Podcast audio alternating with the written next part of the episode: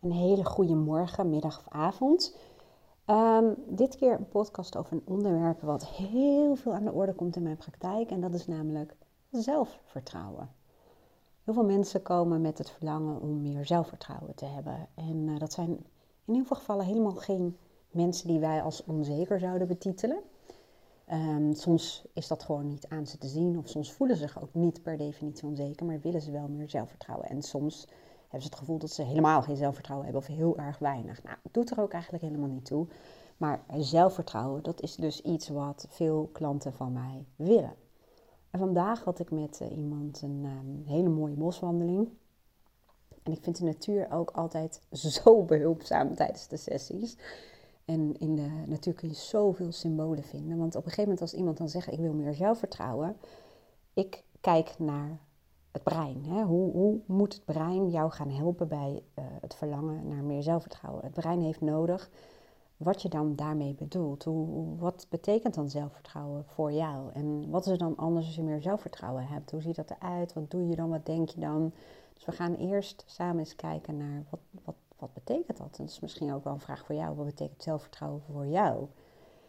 En op een gegeven moment um, had iemand gezegd, ja, ik wil vol zelfvertrouwen zijn.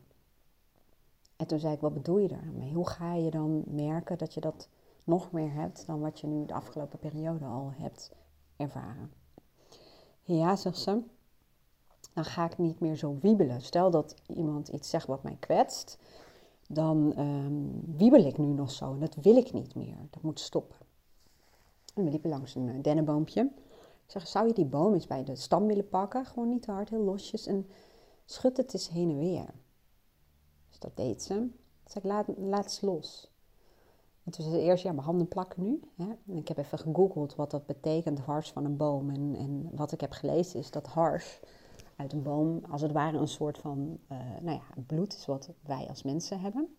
En dat de hars ervoor zorgt dat wondjes in de boom uh, gedicht worden, zodat er geen virus en bacteriën van buiten naar binnen kunnen komen. Is een soort afweer- en beschermingsmechanisme. En uh, zij had de handen onder het plak. En op zich is het natuurlijk ook wel mooi. Hè? Kijk, als iemand iets doet wat jij niet wil, ze deed echt wel voorzichtig met de boom. Maar dan hebben we allemaal een soort van natuurlijke afweerreactie uh, om aan te geven tot hier niet verder. Ik noem even wat. Maar het ging er meer omdat ik zei, kijk gewoon eens naar die boom. En nou, toen we kwamen tot de conclusie dat die boom is stevig geworteld. En toen zei ik, laten we eens kijken of we jouw verlangen anders kunnen formuleren. Hè? Niet meer willen wiebelen. Ik zeg maar, kijk naar de natuur, alles beweegt.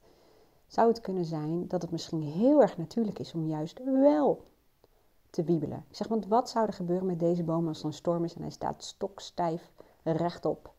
En dan knakt hij. Op een gegeven moment knakt hij. Zelfs gebouwen wiebelen zijn zo ontworpen. Ik zeg, nou, stel, laten we eens kijken. Een boom die stevig geworteld is, die wordt wel degelijk geraakt. Die gaat wel degelijk wiebelen door, door, door, door uh, hagel, uh, storm, regen, door iemand die daar aan zit uh, te trekken. Door een, een, een specht die op dat stammetje loopt te, te, te hoe noem je dat, met zijn snavel. iemand die inderdaad langs de boom heen loopt, hem aan de kant duwt, nou, whatever wat. Ligt eraan hoe groot de boom is. Dit was een dun stammetje, zeg maar. Um, ik zeg maar, wat gebeurt er met een boom als bijvoorbeeld de storm weer is gaan liggen? De boom stabiliseert onmiddellijk. Als de storm weg is, stabiliseert de boom meteen en die staat weer waar die altijd al stond. En die schudt niet meer heen en weer. Dus we gingen samen kijken. Ik zeg, waar zit dan wel je verlangen? Want ze zei, ja, het is eigenlijk heel natuurlijk. En het is eigenlijk ook helemaal oké als iemand iets zegt wat mij kwetst.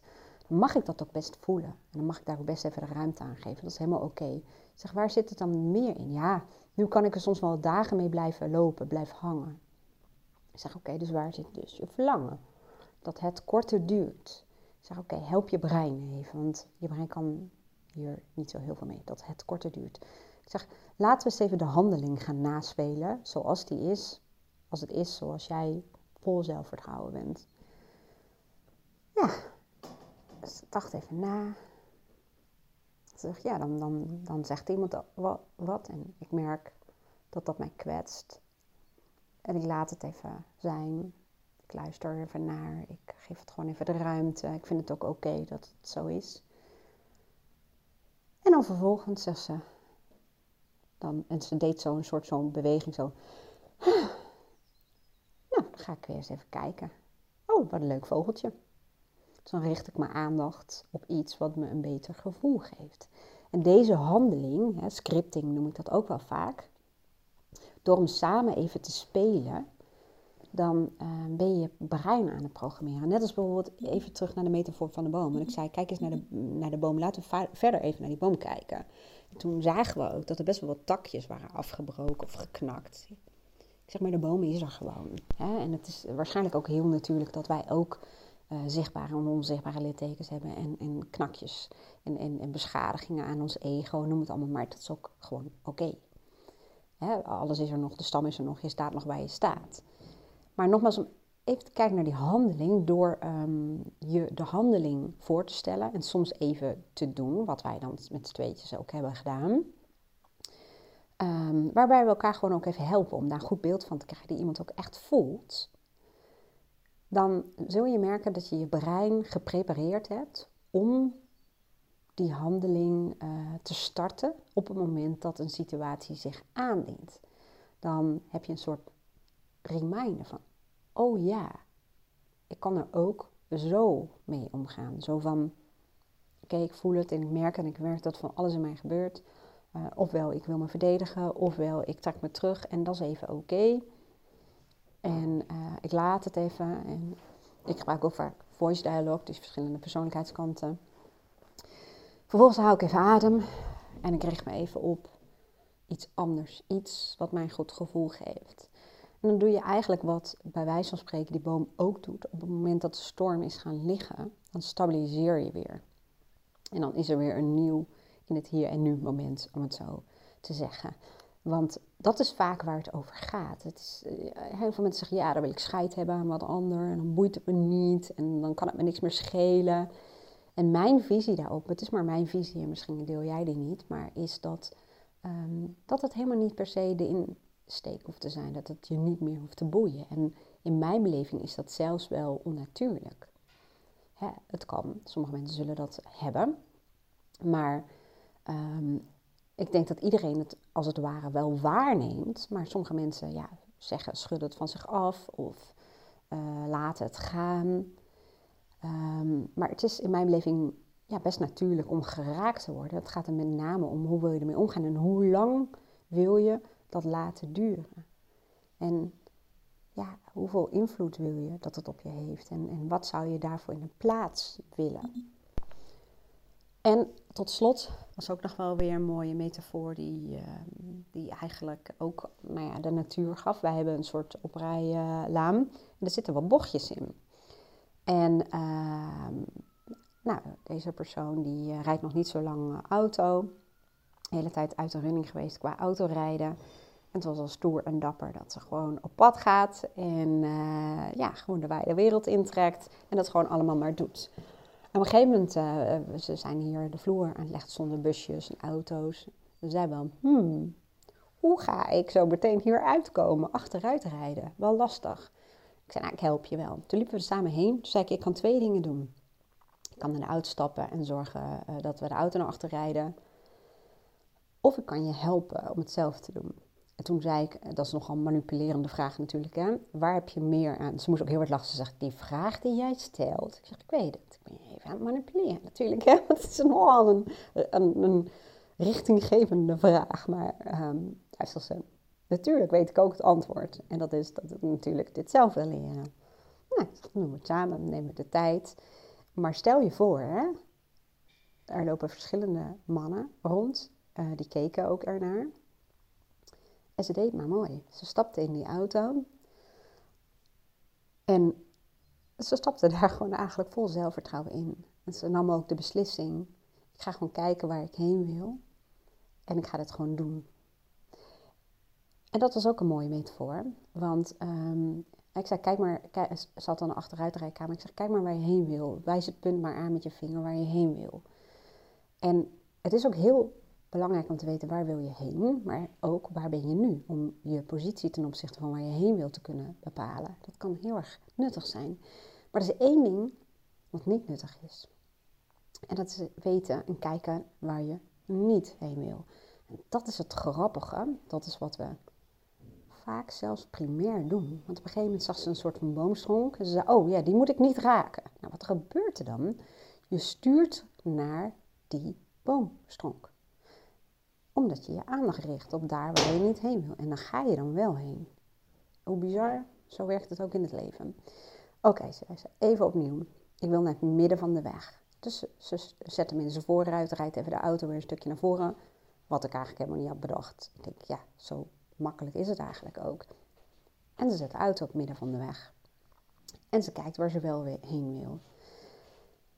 En zo merk je dat het achteruitrijden uh, vooral ging om kijken waar wil je heen, waar ben je nu, hoe moet ik bijsturen. En natuurlijk achteruitrijden vergt wat anders dan uh, vooruitrijden, zeker op een camera. Ik vind met een camera achteruitrijden juist heel erg lastig.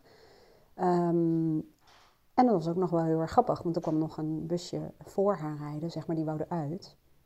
Dus ik kreeg nog een, een extra uitdaging erbij. Iemand die naar haar keek en op haar zat te wachten. Ze bleef zo rustig. Ze bleef zo rustig. Ze nam inderdaad de tijd even naar voren en weer opnieuw. Dat vond ik bijzonder knap. Hè? Want ik heb ook wel mensen gezien die dan in paniek raken. Of juist, uh, nou ja, uh, dat het helemaal niet meer goed gaat. En ze stuurde bij en op een gegeven moment um, zei ik ook, heeft jouw, wiel, heeft jouw auto vierwiel, uh, is die vierwiel aangedreven? Ja. Oké, toen ontstond er eigenlijk een nieuwe mogelijkheid. Dus ze draaide de achterkant gewoon in, in, in een stukje bos. En ze draaide en ze reed gewoon het pad uit. En ze heeft maar mooi geflikt. Maar ook dit is natuurlijk weer een soort van mooie uh, les. Hè? Uh, natuurlijk richting bepalen, maar kijk waar je heen wil en kijk even waar je op dat moment bent. En blijf je focus houden op waar je heen wil. En dan ga je merken dat je stuur als het ware een soort automatisch meestuurt. En dat zie je ook als je gewoon op de weg rijdt. Dan merk je ook dat je een paar punten vooruit kijkt. En dat je handen als het ware automatisch meesturen. En uh, zodra je dan de focus legt op wat je niet wilt uh, en wat je niet wil raken of waar je niet heen wil. Het grappige is, daar gaat je stuur ook heen. En dat is ook omdat ik heel vaak zeg, het brein slaat de woorden niet en geen over. En dit, ja, ik vind het in ieder geval heel erg mooi. En ik wilde nog wat zeggen, maar daar ben ik even kwijt. Oh ja, dat is nog wel heel leuke. En dan sluit ik af. Dan ga ik voorbereiden op mijn volgende sessie. Maar um, wij zien heel veel uh, couriers hier in bestelbusjes. En als ze hier bezig zijn in het huis, dan ja, moeten zij ook achteruit. Omdat, er, omdat je dan even niet kunt keren. En we hebben al zoveel mensen de bosjes in zien gaan. En capriolen uit zien halen. Ook mannen. Ja, jongens, ook mannen.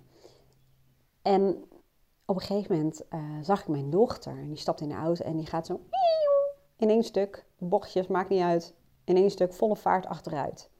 Dus ik zei, hoe doe je dat? En toen zei ze, mam, je moet gewoon doen alsof je achteruit je vooruit is. dat klinkt zo simpel. Maar ik dacht, ja, ja, dat is hem ook. Dus ik stapte ervoor. Ik kon op zich ook wel achteruit rijden, maar niet zoals zij. En misschien nog niet. ik stapte in mijn eigen auto en dacht ik, oh ja, ik ga gewoon doen alsof mijn achteruit mijn vooruit is. En ik ging plankgas naar achter en het werkte ook gewoon zo. Soms is de eenvoud en de simpelheid en de logische kijk op dingen ook gewoon zo helpend. Dus nou ja, daar wilde ik heel graag even mee afsluiten. En uh, degene waar het over gaat, dankjewel voor de mooie sessie. Dankjewel ook weer voor deze inzichten voor mij en, en uh, hoe mooi de natuur kan helpen. Het is echt wat dat betreft gewoon fantastisch, vind ik in elk geval. Ik wil jou ook bedanken voor het luisteren naar deze podcast. Als je er wat aan had, dan laat even weten uh, nou ja, hoe, hoe dit voor je was en wat je eigen inzichten zijn. Laat even een reactie achter. Ik wens je een hele fijne dag en tot de volgende podcast. Doei doei!